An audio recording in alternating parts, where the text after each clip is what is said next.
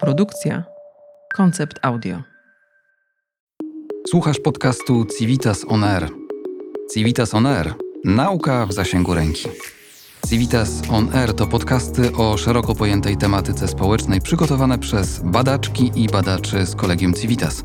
Wierzymy, że badania naukowe mogą być ciekawe nie tylko dla naukowców, a popularyzacja wiedzy jest równie ważna jak jej zdobywanie.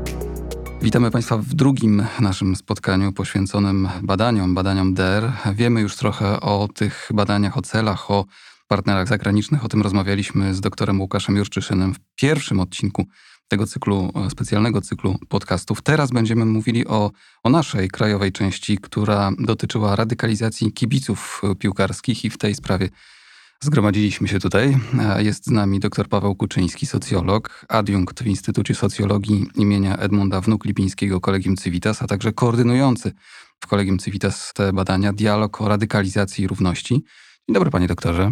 Dzień dobry. Porozmawiamy sobie o kibicach, no właśnie, ale chyba musimy zacząć od jednego najprostszego pytania. O kim mówimy? Kogo badaliście? Bardzo dobre pytanie, bo jest wiele nieporozumień. W ogóle samo to określenie kibic dzisiaj tak się rozprasza między powiedzmy medialnym określeniem kibol, takim piętnującym, a określeniem, które sami kibice w rozmowach ze mną, którego sami używali, fanatycy. I ja właśnie tym, tym określeniem się posługuję, ponieważ oni sami o sobie mówią, a w moim zamierzeniu to badanie służy zrozumieniu tego, kim oni są, a do tego jest potrzebne pomyślenie, za kogo oni sami się mają. Jak, jak sami się nazywają. Nazywają, jak jak każdy z nich odpowiada na pytanie, kim jestem, a dla socjologa, filozofa to jest pytanie o tożsamość. Więc myśmy się zastanawiali. Tak prywatnie powiem, że mnie to zadziwiło, że ludzie w wieku naście, 20 lat, zawsze mnie to dziwiło, jadą do lasu i tam się tłuką.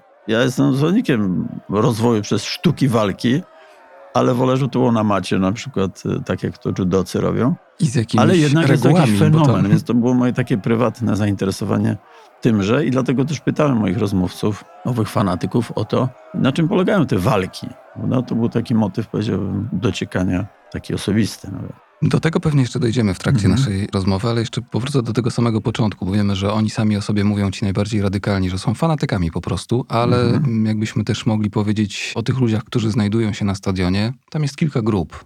Sami mhm. siebie nazywają, są fanatycy, są kibice, kibole, Janusze, nie ma co ukrywać, kto to taki, jak ich podzielić, jak ich rozróżnić, żeby ktoś, kto wejdzie na stadion, miał świadomość, kogo spotka. No bardzo ciekawe, bo Janusze sami siebie rzadko nazywają Januszami. Tak. Ja przeprowadzam wywiad z kibicem Lecha, który mieszka w Warszawie, jest otoczony kibicami Legii oczywiście. On z tymi kibicami utrzymuje dobre kontakty, tylko dlatego, że już ma sporo lat i on o sobie tak mówi, ale to się rzadko zdarza. Więc Janusze to są piknikowi, to są niedzielni, powiedzmy przed telewizorem albo na meczach reprezentacji. Tam ich wtedy jest dużo z rodzinami. Natomiast na przeciwległym krańcu jest tak mocno zradykalizowana grupa, że ona sama siebie nie nazywa, tak jak tutaj mój kolega badający skrajną prawicę, ona na pewno sama siebie nie nazywa neofaszystami, ale wiele wskazuje na to, że ta mała grupa jakby nadaje pewne piętno. Piętno, które polega na tym, że czasami media zachodnie mówią, proszę bardzo, tam ileś dziesiątków tysięcy faszystów szło przez Warszawę. Co jest absolutną nieprawdą. I chcę to podkreślić, że fanatycy to nie są neofaszyści, natomiast jest to zagrożenie, które wisi nad nimi, bo fanatycy są oddani przede wszystkim swoim klubom. Tak? To jest środowisko takie wspólnotowe i tak trzeba o tym myśleć, że najważniejsza jest ta grupa, nawet niekoniecznie jest to pełna identyfikacja ze sportem, tylko to jest identyfikacja z grupą, prawda? Moje osiedle, moja ulica. Czasami ulica z ulicą się tłuką, prawda? To jest dosyć charakterystyczne. Jedna rzecz, która wszystko tłumaczy, moim zdaniem, z wywiadu, który przeprowadzałem. Były już fanatyk, taki człowiek w wieku 40 lat, który był mocno związany z taką radykalną częścią kibicowania, powiedział, że jego syn, którego oczywiście wciąga w kibicowanie, chodzą na mecze, nie lubi sportu. Więc ja go pytam, jak to, chodzicie razem na te mecze? No tak, bo on nie lubi się bić. I to nam daje obraz tej sytuacji. Ich sportem jest ich sport. Mm-hmm. Nie ten sport na boisku, który jest ważny, bo to ich scala, ale to jest ten ich sport. Oni są podmiotem sportu, tylko że to jest sport nielegalny, w którym zresztą używają siły, Ta przemocowa logika jest tutaj obecna, no i zdarzają się tam różne też wypadki, łącznie ze śmiertelnymi, o czym wiemy. To jest ich sport. To jest ten sport. To, Tak. to do czego służy im ten sport y, przez nas rozumiany jako sport? Czyli to, po co im jest ten mecz? Czy on w ogóle jest im potrzebny? Mecz, Mecz jest performansem. Mają sektorówki, te wielkie, szyte, pracowicie ultrasi nad tym pracują. Pod tymi sektorówkami często się przygotowuje race na przykład. Wtedy Które też są nielegalne. Wtedy trzeba się ubrać też odpowiednio, ponieważ tam jest ogień i tak dalej. To jest cała taka misterium. To jest misterium tego, tego wydarzenia i to jest dla nich ważne. Nie tak, że mecz jest nieważny, bo jeżeli moja drużyna przegrywa, to nie czuję się fajnie. Znamy takie przypadki, że kibice po meczu nawet posuwali się do daleko idących, no nie tylko inwektyw, czy nawet rękoczynów. Swoich zawodników jakby przywracali do porządku, tak to nazwijmy. Ale dla nich ważniejsi są oni sami i druga część to są kibice innej drużyny, czyli inna wspólnota, też zorganizowana wokół jakichś symboli, prawda, flag. To są wspólnoty plemienne do pewnego stopnia i z tą wspólnotą inną, kibicowską, zwykle jest tam stowarzyszenie, gdzieś tam jakaś forma organizacyjna, oni mają tak zwane kosy, czyli tam jest wojna. Kosy i Także- sztamy. Tak, tak, więc to generalnie można powiedzieć, że to jest świat, w którym ci ludzie się odnajdują i dla socjologa to jest oczywiste, że oni potrzebują jakiejś wspólnoty, bo tego im brakuje, tak jak każdy z nas szuka jakiejś wspólnoty poza rodziną, prawda? To to jest to Stowarzyszenie Kibiców. To teraz jeszcze wrócę do klubu. Wiemy już po co Mhm. jest mecz, ale czym dla nich jest klub? Mówił pan o tym, że oni są w stanie no, w pewien sposób połajać piłkarzy za to, że słabo Tak. grają. I takie sytuacje się zdarzały, kiedy kibice czekali na przykład rano na autokar, który przywozi piłkarzy po meczu przegranym i tam dochodziło do rękoczynów. Więc oni się czują częścią tego klubu ważną, najważniejszą być może. Tak, najważniejszą, zdecydowanie. Jeżeli drużyna przegrywa, no to jest wstyd, tak? To jest tak zwany obciach, mówiąc językiem zwykłym. Natomiast y, jeżeli wygrywa duma, to są takie rzeczy. Natomiast jest jeszcze właściciel. I mnie też zadziwiło i te badania mi to uświadomiły, jaka jest siła. I to, to czytamy gdzieś, prawda, te doniesienia. Jaka jest siła tych stowarzyszeń i tych grup kibicowskich, żeby doprowadzić właściciela do, nazwijmy to nawet, rozpaczy. Nie mówię bankructwa. Oni są zorganizowaną siłą, bo to jest wspólnota. Więc jeżeli właściciel robi coś nie tak, to wtedy musi się z tym liczyć, że na przykład wlepią mu kary za naruszanie porządku i tak dalej, i tak dalej, o czym wiemy, bo widzieliśmy mecze w Warszawie bez publiczności. Między innymi- bardzo markowych drużyn. W Lidze Mistrzów e, Legia grała z Realem Madrym Przy bez pustych trybunach. Przy pustych I to trybunach. była duża kara. Także Tak. No, mają siłę, mają siłę. I czasami się dziwimy, że dochodzi do tego, że tolerowane są różne ekscesy. Nie mówię, że to jest układ z właścicielem, ale tam gdzieś cały czas ta granica jest przesuwana, prawda? Więc to jest dobrze zorganizowana, silna grupa. Nie dziwnego, że ona ma taki, taki obraz na zewnątrz, jest taki paramilitarny. Prawda? Mają swoje bojówki, bo nie wszyscy się umieją bić, prawda? Te bojówki to są ludzie, którzy chodzą na, na sztuki walki i sami trenują. Do tego stopnia, że współpracują między sobą kluby w wymianie nawet bojówek. Tak, jeżeli moja grupa kibicowska nie ma takiej, to jeżeli mam dobry układ z innym klubem, to tam ci przyjadą Wsparcie? na pomoc. Tak, Wstępuje tak, takie wsparcie. przypadki są. Też nie są one zaskakujące, bo to jest, to jest znowu jakaś szersza solidarność, prawda? Tu jest porozumienie, tam jest wojna. Także Braterstwo To broni jest ten trochę. świat.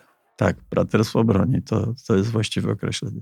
No to bardzo ciekawe, zaskakująca wersja. Jeszcze myślę o tym klubie, bo, bo są takie przypadki, w których te stowarzyszenia kibicowskie mają udział w, zarządzaniu klubem. Mhm. Gdzieś są jakimiś członkami, nie chcę powiedzieć, że zarządów, ale ciał doradczych i mają duży wpływ, a choćby na to, kto będzie trenował naszą drużynę. Więc ten No to są wpływ te jest potężny. bardziej formalne, powiedziałbym. Mhm. Natomiast y, znaczy mnie jako socjologa najbardziej interesuje to, co się w tej wspólnocie dzieje, prawda? Relacje, struktura władzy.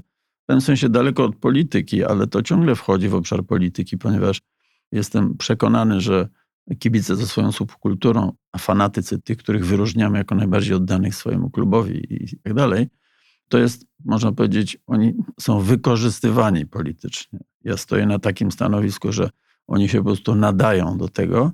A dlaczego? To pewnie o tym porozmawiamy. Ale w samych wywiadach nie ma wiele śladów tego, że oni uczestniczą w polityce, że w ogóle jakoś chcą tego.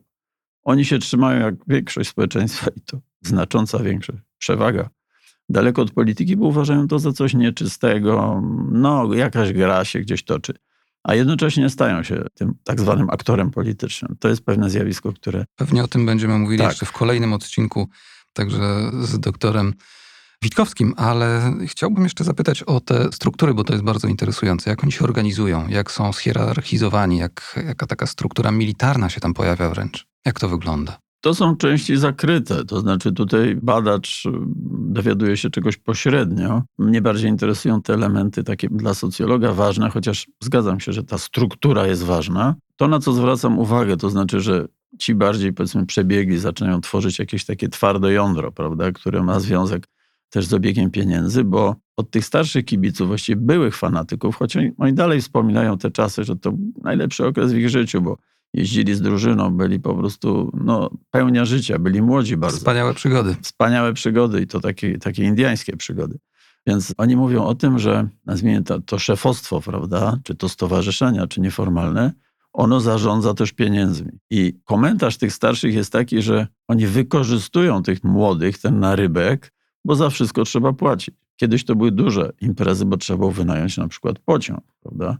Jechało się pociągiem i ten pociąg nawet dało się zatrzymać przy jakimś lesie, co już jest skala, prawda? Jak jest dzisiaj, trudno powiedzieć tak w szczególe, ale generalnie bycie takim oddanym fanatykiem, który nie szczędzi, prawda, środków, nie padają pytania typu, a ile by kosztował ten bilet, gdybym jechał, powiedzmy, sam, prawda, i tak dalej, i tak dalej. Więc jest to twarde jądro, które ma, ma no, władzę taką, nazwijmy, ekonomiczną i wokół niego się tworzą różne grupy, tych, którzy aspirują do tego, żeby tam się znaleźć oczywiście. Więc jednak kluczem jest to, no i druga rzecz niezwykle istotna to jest właśnie sprawdzenie się w boju, to co pan nazwał braterstwem broni i bardzo słusznie, bo w ogóle braterstwo jest ważne.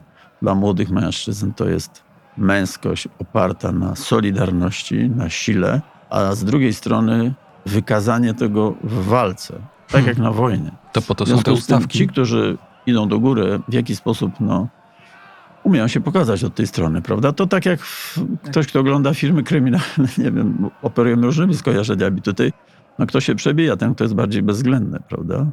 A czasami sprytniejszy od innych. To tutaj chyba musimy dojść do, do tych ustawek, które się pojawiają, mhm. na, gdzie kibice jednego klubu umawiają się z kibicami drugiego klubu, fanatycy, tak powinienem powiedzieć, i po prostu na bójkę po co one są te bójki? To właśnie po to, żeby pokazać, kto jest mocny w tej grupie? Uważam, że tak. To znaczy. I awansować w hierarchii? To jest ich sport, tak? Czyli oni mają ustaloną tą tożsamość grupową. Powiedzmy, jestem kibicem jakiegoś klubu. Niekoniecznie to musi być klub ekstraklasy, prawda? Trzeba pamiętać, że sport zawodowy wysysa powiedzmy to, co jest wartościowe sportowo, tak, te transfery i tak dalej. Więc to, co się dzieje w tych niższych ligach, też jest interesujące, o tym mało wiemy.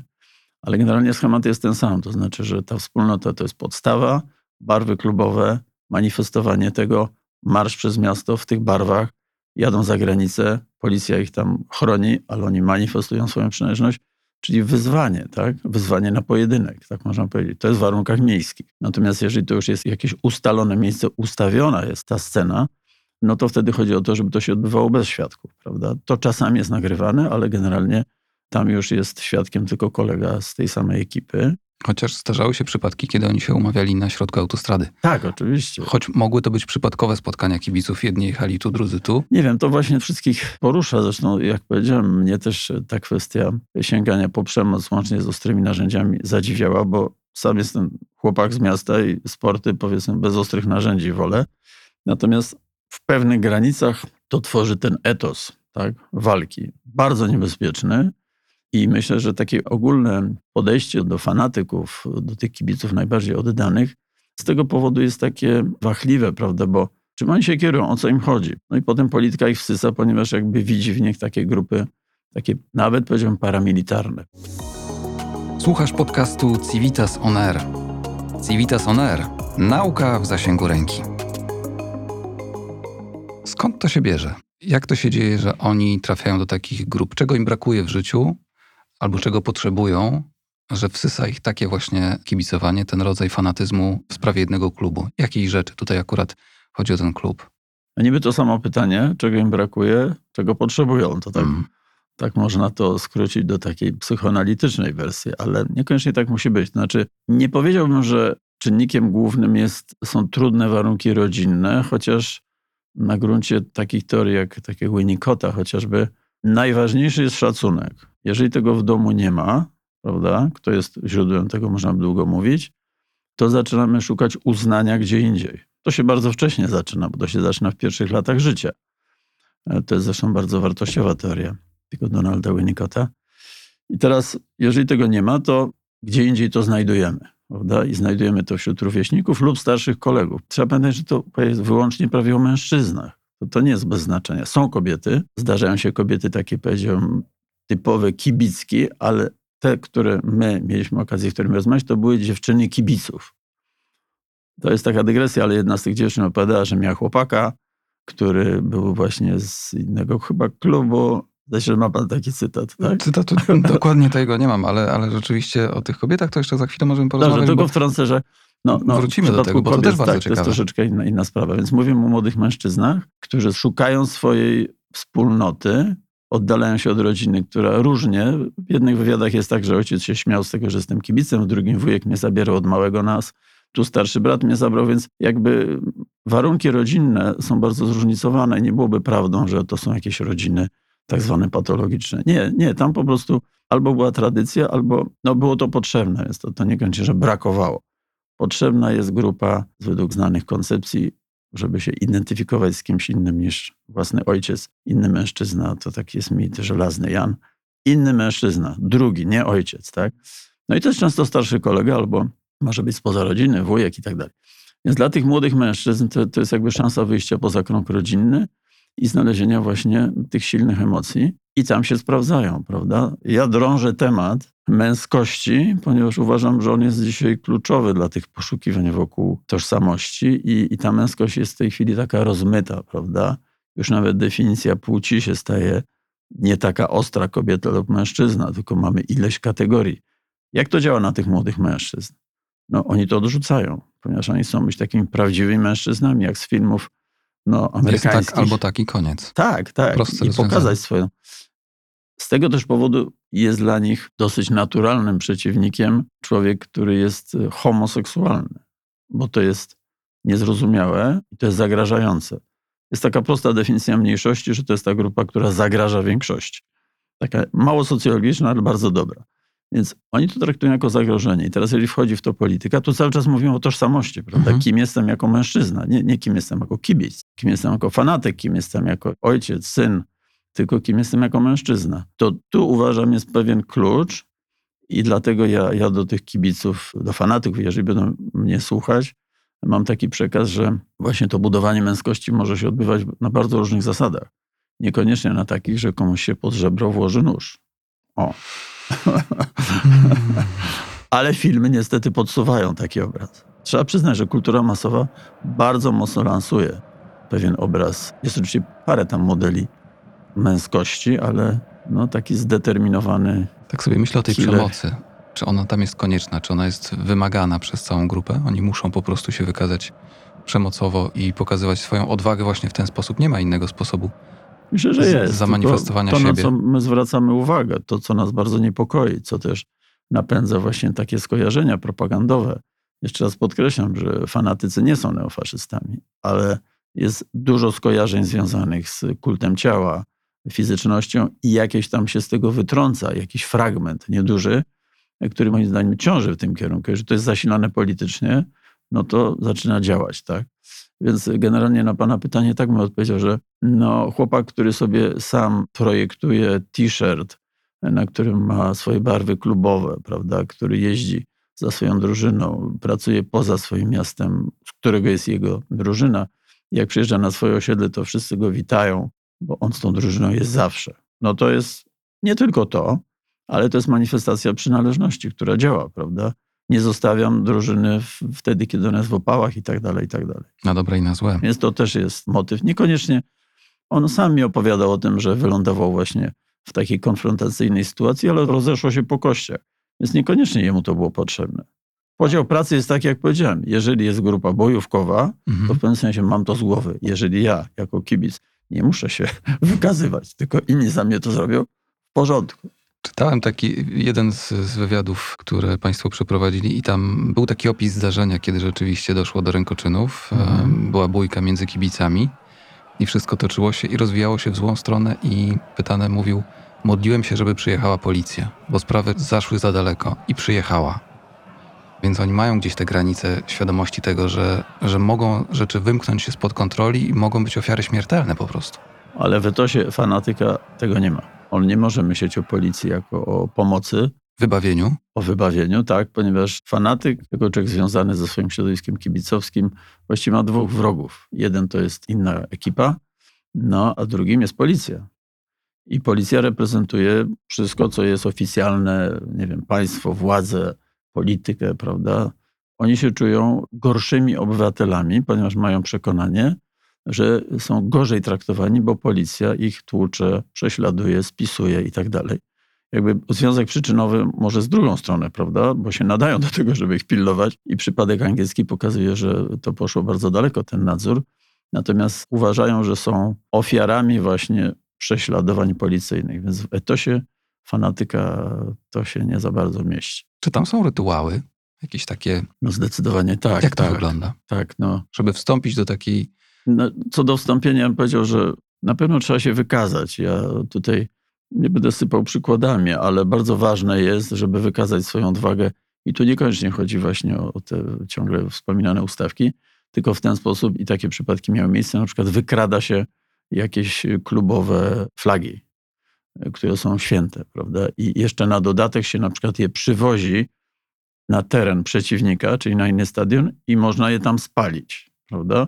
Więc to są naprawdę wyczyny, to są legendy, ta mitologia, ona jest poruszająca, prawda, że, że ci kibice mają swoje legendy, swoich bohaterów. No to jest świat. Przypominam sobie taki mecz. Wiem, że jednym z klubów to był Piast Gliwice, kiedy mecz Mhm. nie został dokończony, bo kibice drugiej drużyny wtargnęli na sektor kibiców Piasta i Mhm. ukradli im flagę właśnie wtedy. No i właśnie to są te najbardziej takie mitologiczne opowieści, którym ja znów jako socjolog się nie dziwię, bo ja patrzę na to, co wzmacnia spoistość grupy. Wróg, rytuały. No, dla socjologa to jest taki materiał. Gdyby kibice tego posłuchali, no jestem ciekawy, czy by uważali, że to jest opis, który się mija z prawdą.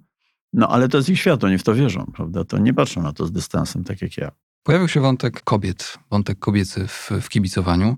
Jak to jest? Dziewczyny przychodzą na stadiony, kibicują, są fanatyczkami, czy są raczej dziewczynami fanatyków? No właśnie, i tak, i tak. To znaczy, częściej mieliśmy okazję rozmawiać z kobietami, które mówią: Mam swojego faceta, na którym mogę polegać, wiem do czego należy. I tutaj historia, do której nawiązywałem, że dziewczyna się tam miała jakiegoś chłopaka, czy on tam się starał o nią.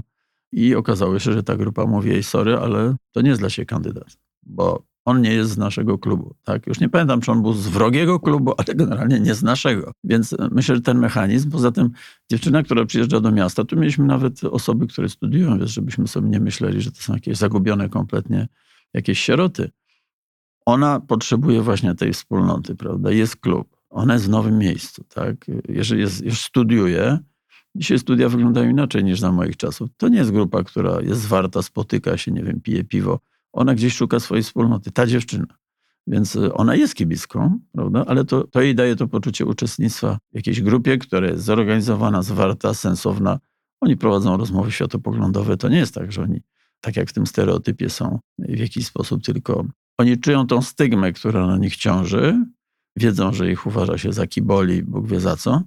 Więc y, w tych rozmowach się też dystansują wobec tego. Pokazują swoją inną, powiedzmy, twarz. Jeśli chodzi o cytaty, to mm, jedna z pań, z którymi państwo rozmawiali, mówi tak: Bracia mnie swatają ze swoimi kumplami i mówią: Siostra, wychodź za mąż, produkuj nowe pokolenia kibiców. No tak, no tak, to się zgadza. Chciałem zapytać o wartości, między innymi takie wartości jak religia. Czy tam się pojawiają? Bo w jednym z wywiadów czytam też takie określenie: Czasem, jak siedzę na meczu, na stadionie, to czuję się, jakbym był w kościele. Takie mam odczucia, mówi sam pytany kibic. Mhm. Tak, to było też dla mnie uderzające. Pada słowo msza, Mhm. religia. Inną sprawą jest to, że wielu kibiców jest religijnych, są pielgrzymki i tak, tak, ten, ten, dalej. sam, ten sam mówi: Jeżdżę na pielgrzymki kibiców na Jasną Górę z żoną, synem, chrześniakiem. Tak. I do tego, jakie jest przejście między, powiedzmy, ich religijnością, a na przykład patriotyzmem, pewnie jeszcze trzeba wrócić, ale Mhm. na razie na ten temat. Otóż ja tu wtrącę coś z badania, ponieważ ja się zajmuję ruchami społecznymi. Stop Akta. Była dziewczyna, która była jedną z liderek tego ruchu i ona powiedziała, że jak ona pierwszy raz uczestniczyła w Marszu Niepodległości, to ona poczuła nagle taką siłę. To znaczy, że ta grupa ten marsz, ten wspólny śpiew i tak dalej, to daje takie poczucie właśnie, pewna euforia nawet. Tak? Msza, kościół, no tam jest raczej spokojnie, prawda? Ale dla kogoś, kto jest religijny, to jest wzniosłe. No więc z tamtego wywiadu zapamiętałem, że taka no, sensowna dziewczyna, wydaje się spokojna, nagle przeżywa to poczucie takiej wspólnoty, ale takie, to są z Marszem Niepodległości, jak ci ludzie wychodzą na ulicę, to ich to niesie. Uniesienie. Czujemy te niebezpieczeństwa, ale z drugiej strony rozumiemy właśnie, że to jest taki nastrój. Także religia, kościół, no, to są skojarzenia z takimi głębokimi przeżyciami, zwłaszcza dla ludzi religijnych, ale tutaj to ma jeszcze taką, taką autonomiczną siłę, bo ileś tam głosów, to jak oni zaczynają dopingować drużynę, prawda, tu bęben, tego, to jest, to jest takie plemienno-religijne, powiedziałbym. Ale ta religia jest dla nich ważna? Religia jako taka jest dla nich ważna, bo oni są tradycjonalistami i tu jakby przechodzimy do takiego wątku, dlaczego są przeciwni wzorcom, które płyną z tego zgniłego zachodu, co z kolei się składa na ich podatność na propagandę, prawda, tą taką, że wstajemy z kolan, wreszcie chronimy wartości, rodzina, kościół, Bóg, honor, ojczyzna. To jest typowy profil. Są też inni, rozmawiałem z takimi, ale to jest typowy profil. W związku z czym, teraz właśnie o kobietach, że jedna z tych kibicek mówiła o tym, co to jest jakaś lesba, coś. Generalnie do kobiet, które są homoseksualne, równie niechętny stosunek jak mężczyźni do, do mężczyzn homoseksualnych. Taki jeden z moich rozmówców mówił, to było dosyć charakterystyczne, bo wiemy, że są też uprzedzenia rasowe, prawda? Generalnie ksenofobia tam znajduje swoje, osadza się w tym środowisku. Ja to tłumaczę w ten sposób, że jakby wyuczona jest ta figura wroga, tak? Jeżeli zaczynam od tego, że jakiś klub jest wrogi, no to także jest mi łatwo się jakby przenieść w ten świat wrogości takiej etnicznej, prawda, no nie wiem, islam, właśnie gej, jakby funkcjonuje w ogóle w takim świecie, że są wrogowie. No więc chcę powiedzieć, że takie padło zdanie, że czarny może być, bo przecież w tych drużynach polskich ekstraklasowych są ludzie z różnego koloru skóry. Czasami się to dzieje e, trochę nie tak, bo tam było rzucanie bananami i tym podobne, ale powiedział tak, czarny to dobry kocur, on się nadaje. Natomiast powiedział coś takiego, no a gej na tym, nawet na tym stadionie, co on tam robi? Czy jest taki element takiej użyteczności, prawda? Że jeżeli ktoś zakłada rodzinę, to on jest produktywny, ponieważ dzięki niemu naród polski się reprodukuje, prawda? Gej generalnie w polskim prawie, zgodnie z wolą większości, nie ma możliwości małżeństw homoseksualnych, adopcji dzieci i tym podobne, i tym podobne, w przeciwieństwie do paru innych krajów, to jest ta jego bezproduktywność. Poza tym narusza to poczucie męskości. Jeszcze jedno skojarzenie, na przykład w badaniach, które chętnie cytuję, mówiono o różnych, jak to się mówi, mniejszościach narażonych na dyskryminację. To było badanie robione w Warszawie na dużej próbie, na przykład o Ukraińcach. No są nam bliżsi kulturowo to tamto, ale są użyteczni. Więc ta figura geja, LGBT jako taki kryptonim, ona jest z tych co najmniej dwóch powodów taka, powiedziałbym, zagrażająca. Bezproduktywność w sensie rasa, etnos, krew, tak? bo są różne definicje narodu. Tu jest ta definicja taka właśnie Polak czystej krwi. Tak? To jest ta definicja etniczna narodu. Druga to, że jest to osoba, która no, jest jakby wyzwaniem dla mojej męskości. Więc to jest jakby pewne wytłumaczenie w tych kategoriach tożsamości, prawda? Skąd to się bierze, że nagle to środowisko tak się zachowuje? Oczywiście prowadzone przez jakąś grupę, która jest inicjatywna, daje pewnie język i tak dalej, i tak dalej. Słuchasz podcastu Civitas On Air. Civitas On Air. Nauka w zasięgu ręki. Co ich może wyrwać z tego, wyjąć z tego środowiska? Czy jest jakiś taki czynnik, który spowoduje, że oni uznają, okej, okay, było fajnie, to była przygoda indiańska, jak pan powiedział, mhm. ale teraz są inne sprawy ważne w życiu. Co to tak. będzie? Naturalny bieg spraw jest taki, że człowiek, i to jest komentarz tych starszych, no jakby rozstaje się z tą młodością, która jest taka zagrażająca i wchodzi w jakiś związek, zakłada rodzinę, dzieci, kredyt, praca. Więc to, to jest ten naturalny sposób. Tam jest ciągła rotacja, prawda? Bo przychodzą ci młodzi z różnych stron Polski, którzy chcą właśnie zaistnieć. Też jest ten efekt sceny, o którym mówiłem. Więc można powiedzieć, że to jest taki przepływ ciągły, który moim zdaniem nigdy się nie zatrzyma. Natomiast na pewno można ograniczyć te, powiedzmy, że walka z chuliganami, prawda, w, w Anglii. To była taka walka proceduralna, kontrola, karty wstępu tego, policja. W Polsce też to się dokonuje, natomiast My tutaj mówimy o tym, nie żeby okiełznać ich te potrzeby przynależności, tylko żeby oni nie zaszli za daleko. Tutaj się pojawia to zagrożenie, ten ekstremizm prawicowy, jak to się mówi. A tutaj kolega mój mówi często, że to już jest neofaszyzm. Więc o to chodzi, prawda, żeby kibice byli świadomi tego, żeby nie dali się prowadzić, tak, jak Mhm. po sznurku, prawda, i żeby nie dali sobie tego wtłaczać, chociaż oni są bardzo podatni na retorykę patriotyczną. Ciężko jest często odróżnić, na przykład w języku angielskim to jest ciężkie, nacjonalizm od patriotyzmu, nie mówiąc o ksenofobii.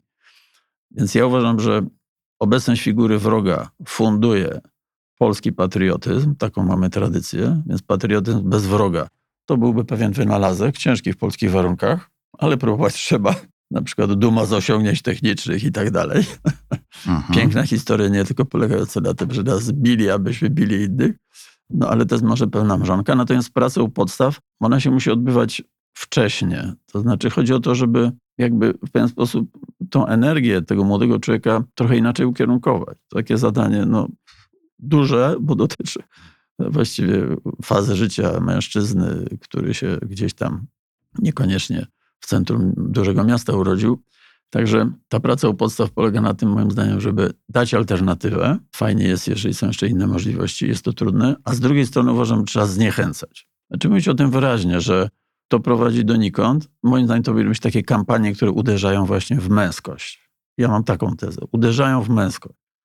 Trzeba pokazać, że to jest, to nie jest ten model, ale też nie można wszystkiego zabierać, bo braterstwo broni jest potrzebne, bo przyjaźń jest potrzebna, bo wspólnota jest potrzebna, więc gdybym ja taką kampanię miał e, na dużą skalę projektować, to bym, to bym szukał w tym kierunku. No i na pewno mówię cały czas o prewencji, tak, o zapobieganiu. No a poza tym działają te wszystkie systemy, które już są jakby na końcu tego procesu, prawda? To już jest ta inwigilacja, to jest jakby zajmowanie się tą stroną mafijną, obiegiem pieniądza. No to wszystko już należy do policji. Ja mówię jak socjolog, to znaczy, że to jest trop, którym ja bym szedł, bo przynależność, klub, sport, bijatyki, tego nie wyeliminujemy z naszego życia. I tak się to dzieje. Myślę, że oni mają świadomość tego, że pośród nich też są osoby, które współpracują z policją. Na pewno mają taką świadomość, ale chciałem zapytać jeszcze o to, co ich może połączyć ponad tym, czym jest klub, czyli Mhm. czy może być coś, co połączy kibiców różnych klubów. Myślę tu właśnie o tym wątku patriotycznym, czyli gdzieś ten Marsz Niepodległości na przykład. Zdecydowanie tak.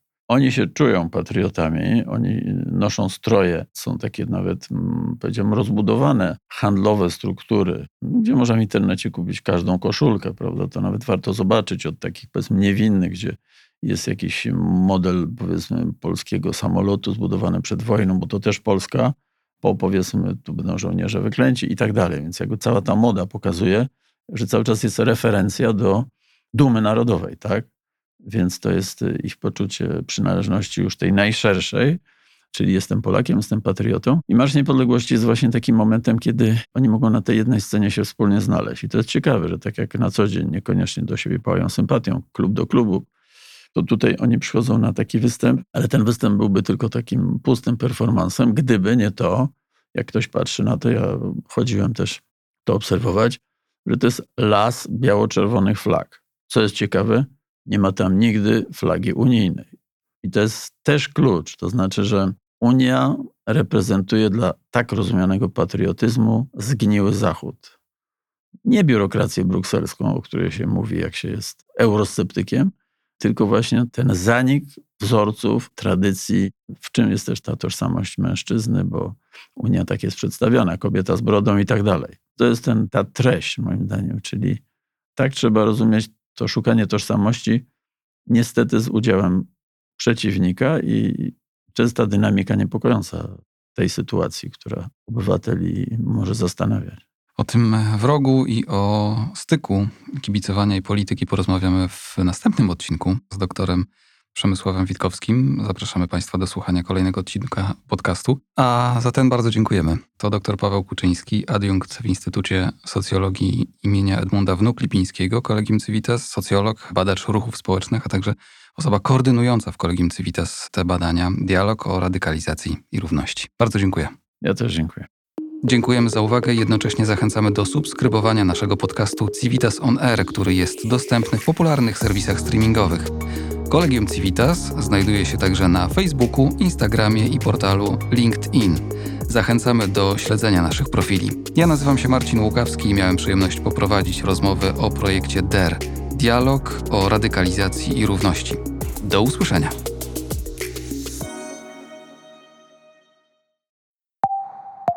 Produkcja Koncept Audio.